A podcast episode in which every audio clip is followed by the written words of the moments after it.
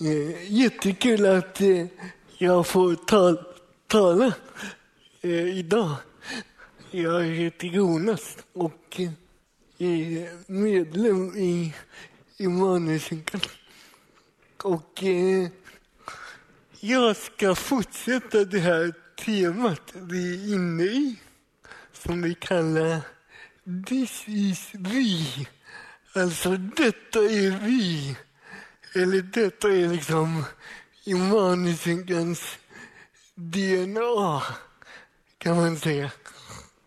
Och vi i den här synkan har ett uppdrag som vi kallar att vi vill leda människor till Jesus. Det är liksom det som, det är, det som är grejen. Det är, det är Jesus. Vi vill leda människor till Jesus och hjälpa varandra att följa honom i allt. Yes.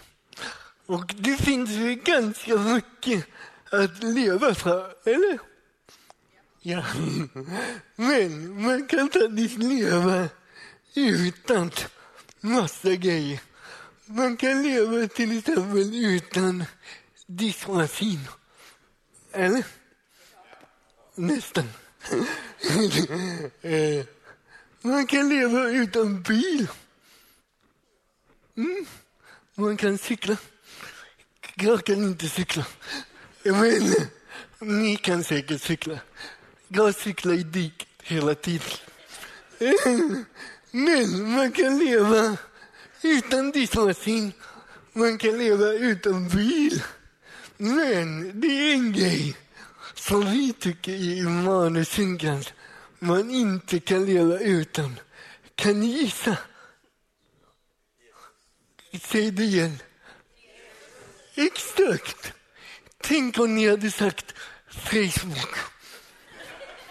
Aj, aj, aj.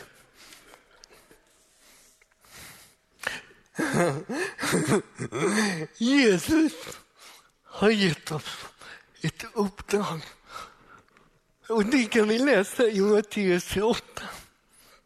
Där det står att gå därför ut och gör alla folk till lärjungar. Döp i Faderns, Sonens och den helige Andens namn och lär dem att hålla allt jag besatt er. Och i Immanuelskyrkan, hur ska du göra detta? Om detta är uppdraget, att vi vill leda människor till Jesus, hur ska vi göra det? Då har vi fem stycken så här ledord, som vi kallar det. Att eh, vi vill vara Jesus-centrerade.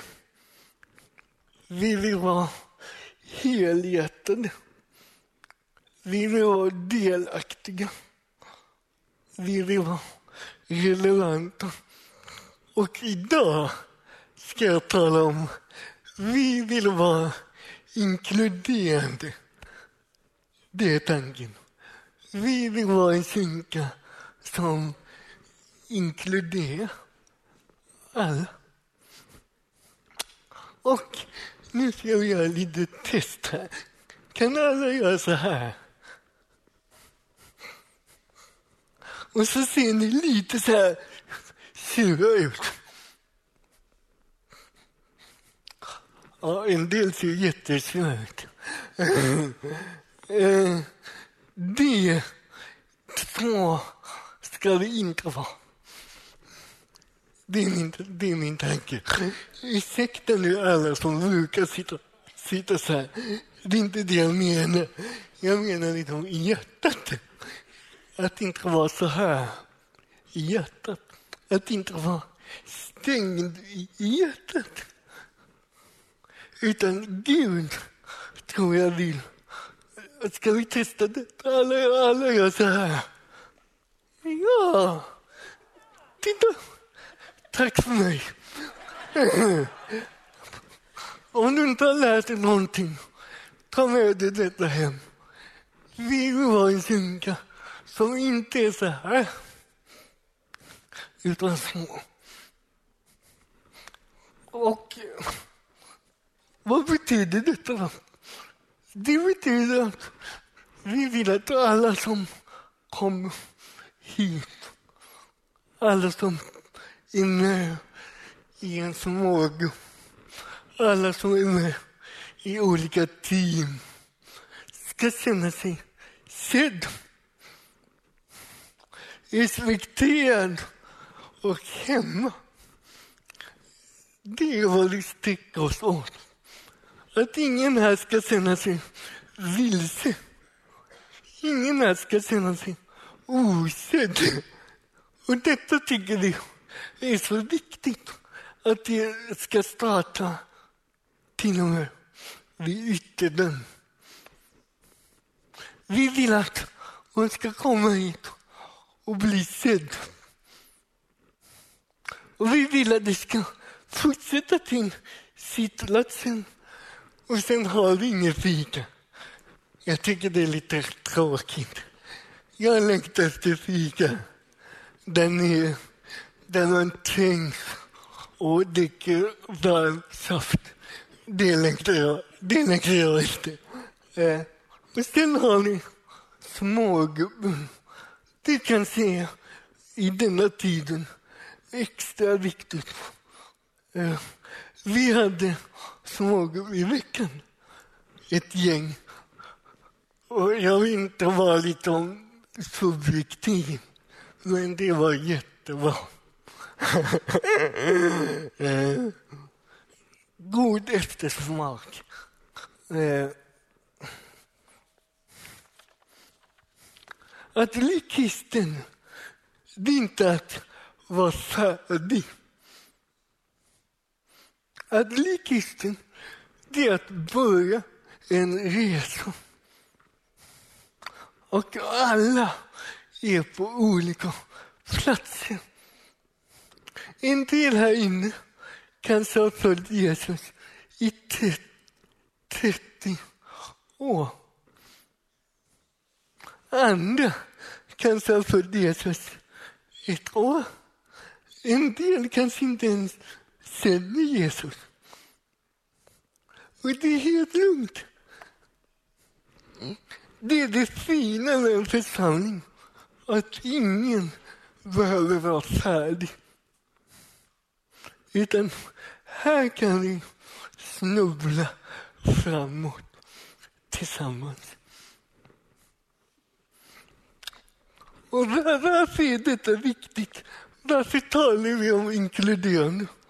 Jo, för att vi vill visa på Guds kärlek.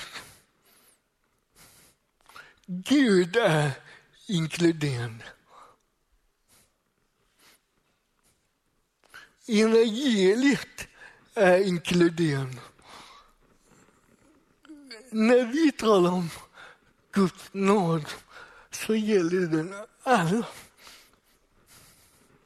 När vi talar om att Guds kärlek så gäller den alla. Vi läste i Matteus 28 just att gå ut till alla folk. Jag gillar det. Kristendomen är den mest, eh, vad ska jag kalla det? Kristendomen är den religion som finns i flest kultur i världen.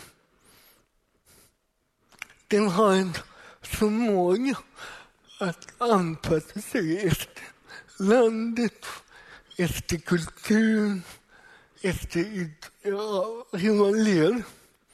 Det är ganska häftigt. Och vi kan läsa i Johannes 3 och 16. Det kan ni, alla kan den, eller? 3 och 16.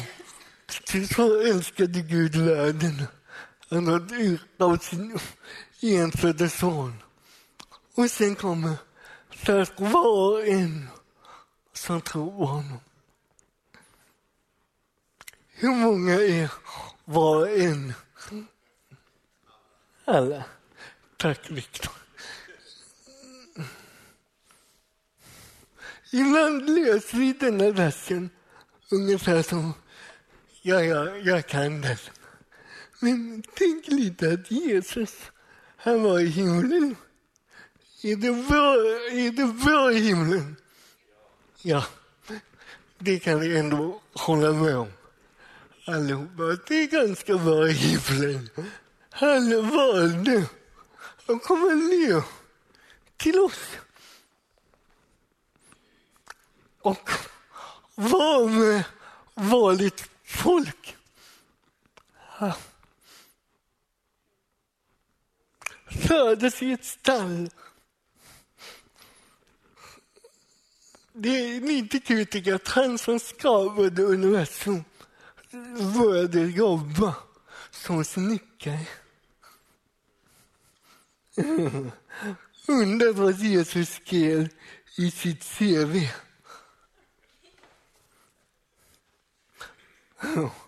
Jaha, vad har du gjort innan? Ja, lite grejer. Men, eh, man kan väl säga att jag har gjort det mesta. Eh.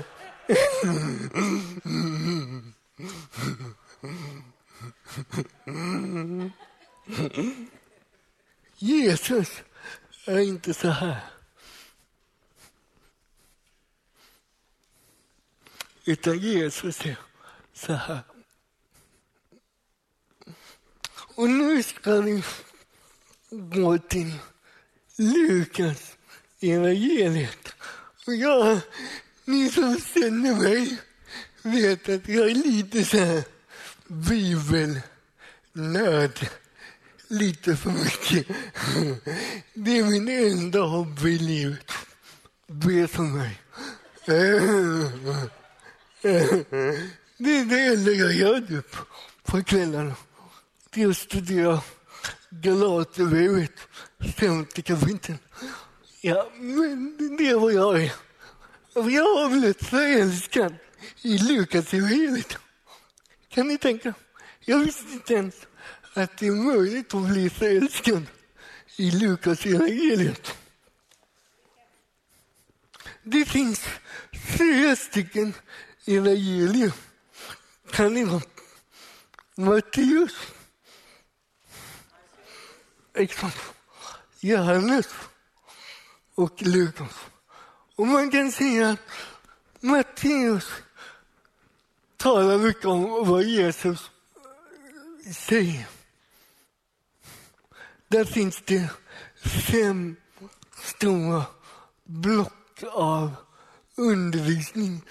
Jag vet inte om Niklas håller med, men man kan säga att i Matteus är Jesus som en uppgraderad Mose som talar mycket om undervisning, hur man ska leva. I, Markus, där är Jesus lite som så här festfixaren. Han fixar alla grejer. Är det någon som vill supa? Ja, jag kan be. Han kommer till massa människor med lösningar. Det är Markus. Johannes. Jag tänkte säga att Johannes är lite som Björn Ranelid. Det tar lite tid innan man fattar. Men när man väl fattar, då är det djupa grejer. Det är Johannes. Men idag ska vi tala om Lukas. Och i Lukas så kan man säga att där får vi veta vad Jesus känner. Hans hjärta. Och speciellt hans hjärta som människor. Och i Lukas så är nyckelversen, brukar man säga, i Lukas 19 där det står att Människosonen har kommit för att söka upp och frälsa det som var förlorat. I Lukas evangeliet så kan vi se hur Jesus testar jättemånga människor. Och jag ska ta några exempel. Ni kan titta här. Detta är några exempel på människor som Jesus testar. Han träffar alltså icke-judar, människor med spetälska, fattiga, änkor, kyrka, tulltjänstemän och syndare. Yeah. Alltså vilket gäng! Mm. Kan ni se ett mönster? Det är som att Jesus träffar de som samhället inte riktigt gillar. Det är som att Jesus kliver över våra gränser och inkluderar de som vi ofta exkluderar. Vi lever i en tid där det är ganska vanligt att dela upp människor i rika, fattiga, lyckade och misslyckade. Innegänget och utegänget. Men det är som att Jesus kastar omkull alla dessa begrepp och etiketter. Och nu ska vi i slutet här landa i en liknelse. Och detta är kanske Bibelns mest kända liknelse. Har vi några förslag vilken liknelse det är? Om ni tänker att vi är Lukas evangeliet. Exakt! Lukas 15. Och vad händer där? Där talar Jesus tre stycken liknelser. Han talar om en som hade hundra får och ett försvann. Och så ska man leta efter det här hundrade fåret. Sen talar han om en, en kvinna som hade tio mynt och ett försvann. Och då ska man leta efter det här. Och sen kommer liknelsen om den förlorade sonen.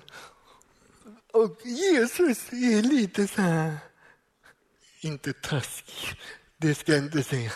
Men han vet att en grupp följer honom som kallas fariséerna. Har ni hört talas om fariséerna? Det var det här det gänget. Du vet, de som, de som diskar de som diskar direkt efter maten. Känner ni till dem? De som inte tar det lite lugnt. Utan de ska diska direkt. Det är detta gänget. Ursäkta alla ni som diskar. Jag menar inget illa. Jag men denna är gubben som är den religiösa eliten. De som gärna vill kalla sig andliga och gärna vill visa upp sin andlighet. Till dem säger Jesus de här liknelserna om den förlorade sonen. Och den handlar om en pappa som hade två söner. Den lillebror, han blir lite trött på att jobba för pappa. Så att han sticker.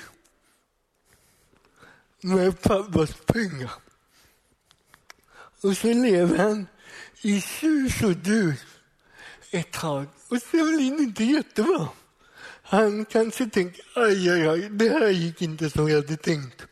Och då kommer han tillbaka till pappan. Och kan gissa om pappan sitter så här. Eller så. Så, exakt. Och det är lite, det är lite till. Det är lite till, exakt. Jag vet. Tänk, tänk en timme till.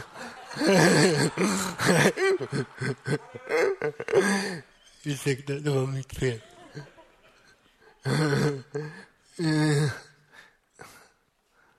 Där kan man ju tänka att liknelsen ska sluta. Den förlorade sonen har kommit hem. Inte det bra? Och pappa bjuder på gödkalv, vad det nu betyder. Jag hoppas att det är bra. Och sen blir det fest. Och där borde liknelsen sluta. Men det gör inte det. Det vet vad det står. Men, och detta är ganska vanligt om du läser Jesu liknelse, att det ofta kommer en trist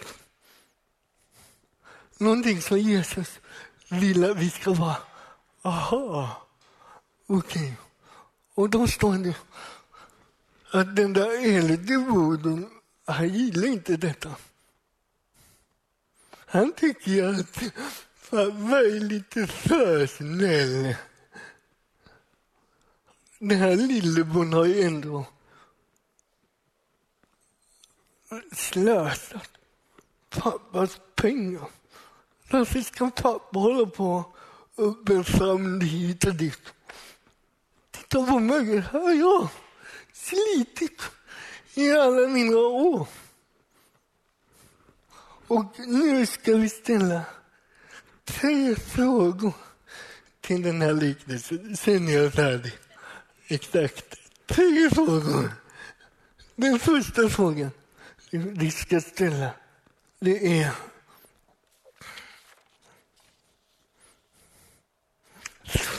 Finns det alltid en väg tillbaka till fadershemmet, alltså till Gud? Och ni kan gissa vad jag ska säga nu. Tänk om jag hade sagt nej.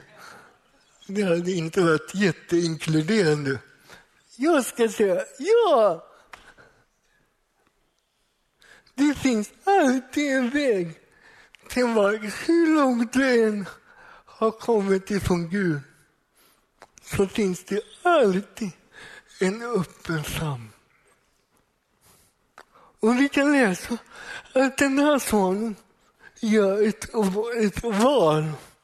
Det står, ni kan följa med på svängen här. Några dagar senare packade den yngre sonen ihop allt sitt och reste långt bort till ett främmande land. Där levde han hämningslöst och slösade bort sin förmögenhet. Kan jag vara lite ärlig? Det är jag ändå. Ibland gör vi dumma beslut. Som faktiskt leder oss bort ifrån Gud. Och kan jag vara lite mer ärlig? Ibland tror jag att när vi gör dumma grejer och vi vet att vi gör dumma grejer, då fylls vi av skam. Och vad säger skam? Skam säger stick. Det kan du lära dig. Skam säger alltid stick. Och det är det, det här den här sonen gör. Han sticker. Och han sticker inte till Eslöv. Eller? Han sticker inte till nästa by. Han sticker till främmande land. Och jag tror att det, det ligger någonting här. Att när vi säms vill vi jättelångt bort. Vi vill gärna byta sammanhang totalt. Varför då? För vi vill inte testa de där bekanta som ställer de där frågorna. Jaha, och vad gör du nu då? Utan vi vill liksom leva vårt liv långt och bort.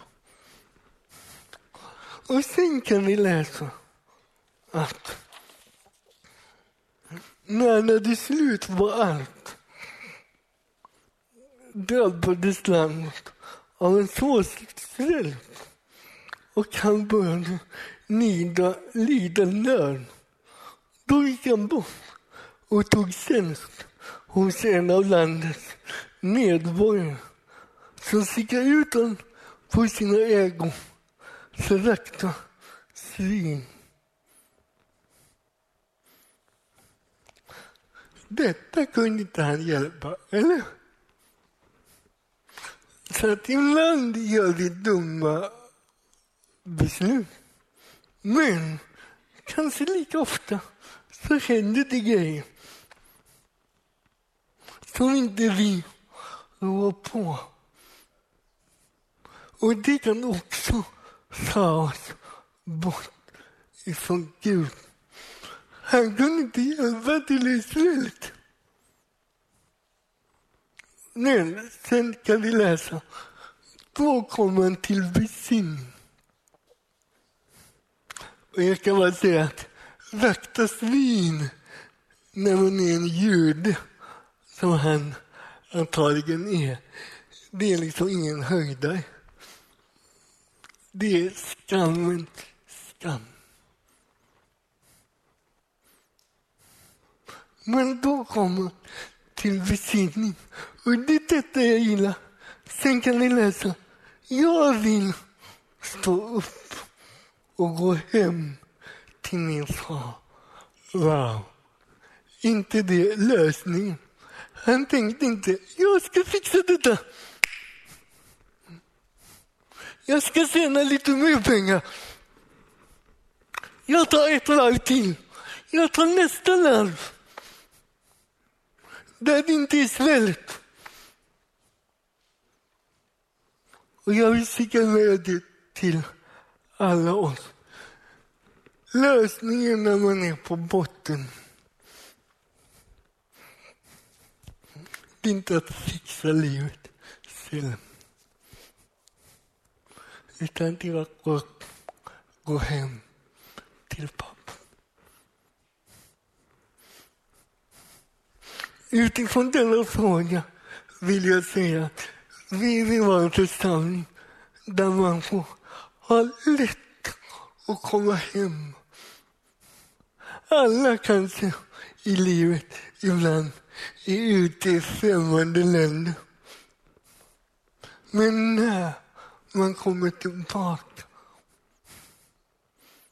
då finns det en upp, uppmärksam. Nu ska vi ta nästa fråga. Fråga två. Är ni med? Kan ni fatta vad jag säger? Kan ni det? Inte riktigt alla. Eh, en del tänker att jag talar danska, men det gör jag inte.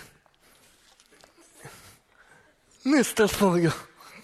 Vad hade hänt om den yngre brodern hade mött den äldre brodern innan pappa? Och jag säger bara aj, aj, aj. Aj, aj, aj. Kanske den äldre brodern skulle säga som han gör till sin pappa. Där vi kan läsa. När han kommer hem. Din son som har festat upp din förmögenhet tillsammans med typ... Ja, mm, har du slaktat gödkalven för honom. Detta kanske inte är det mest inkluderande man kan säga. Eller? Den äldre sonen, han var lite så här. Och nu vill jag säga att den äldre sonen säkert hade jättebra egenskaper. Han var trogen, han stack inte, han gjorde sitt. Det kanske inte var så kul hela tiden, men han var liksom där. Men det finns två grejer jag tänkte ta upp som vi lite ska, eller som jag ska akta mig för. Så att inte bli för lik den äldre brodern. Och den första grejen det är, han var inte tacksam. Och det är så lätt, jag talar för mig, det är så lätt för mig att inte vara tacksam över det som jag har. Att jag faktiskt har mött Jesus, han har tagit mina synder. Jag har fått ett evigt liv. Det är ganska bra, eller Men det är lätt att glömma. Det är den ena grejen. Den andra grejen det är att den äldre brodern gladde sig inte åt andra.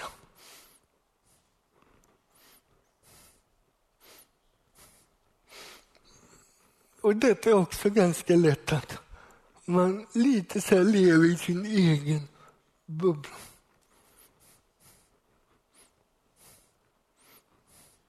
Och jag, när jag har förberett detta så har jag tänkt, när någon här inne eller där hemma tycker att predikan var jättebra och den landar liksom rakt i hjärtat, då kan vi andra glädja oss för den personen. När någon möter Gud i lovsången du vet, så här, riktigt genomträngande. Då är vi församlingen som kan säga yes, han fick möta Gud. Hon fick möta Gud. Vi är liksom en kropp. När en del gläds, då kan alla glädjas. Så att jag önskar att den här äldrebon hade varit, åh vad härligt! Lillebrorsan, hur gick det där utdelningen? Nu har vi mycket att tala om.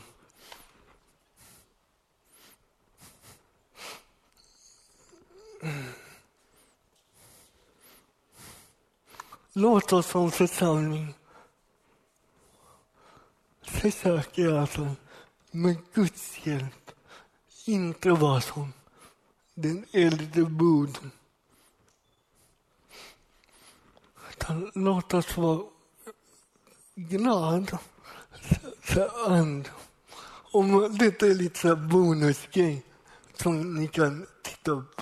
Och ni läser Paulus brev och ställer frågan vad var Paulus mest glad över när han skrev så kan ni lista ut att nummer ett, han var glad för andra människor. Och det är, teck, det är lite ett tecken på den helige Andes frukt. Att man gläds åt andra. Att, åh vad kul att se just dig här. Och vad kul att du gillade predikan. Oh, yes. Den sista frågan. Den sista frågan. Vem är huvudpersonen i den här liknelsen? Vi brukar kalla den här liknelsen den förlorade sonen. Jag skulle vilja kalla den den kärleksfulla pappan. Denna liknelsen är att man får se Guds hjärta. Guds hjärta för människan. Och även den yngre sonen och den äldre sonen hade kanske tappat kontakten med sin pappa. Och det är det Gud, tror jag, vill säga i Lukas 15. Att pappan ger inte upp. Och den finaste texten, tycker jag, i den här liknelsen, det är när vi kan läsa medan han var långt borta fick hans far se honom och förbarma sig över honom. Fadern skyndade sig fram, omfamnade honom och kysste honom. Det är Guds hjärta. Pappan är hjälten, inte bara i denna liknelsen utan faktiskt i hela Bibeln. Och till slut vill jag säga, ja, vi önskar att Immanuelskyrkan ska vara som pappan. Att vi också kan spana ut över Malmö och välkomna människor in i hans familj. Låt oss be.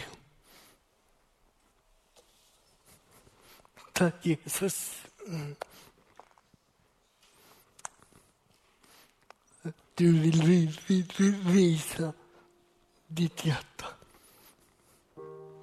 Ditt faders hjärta till oss, till alla människor. Tack att det aldrig är för sent eller långt bort. För du är nära. Du är där.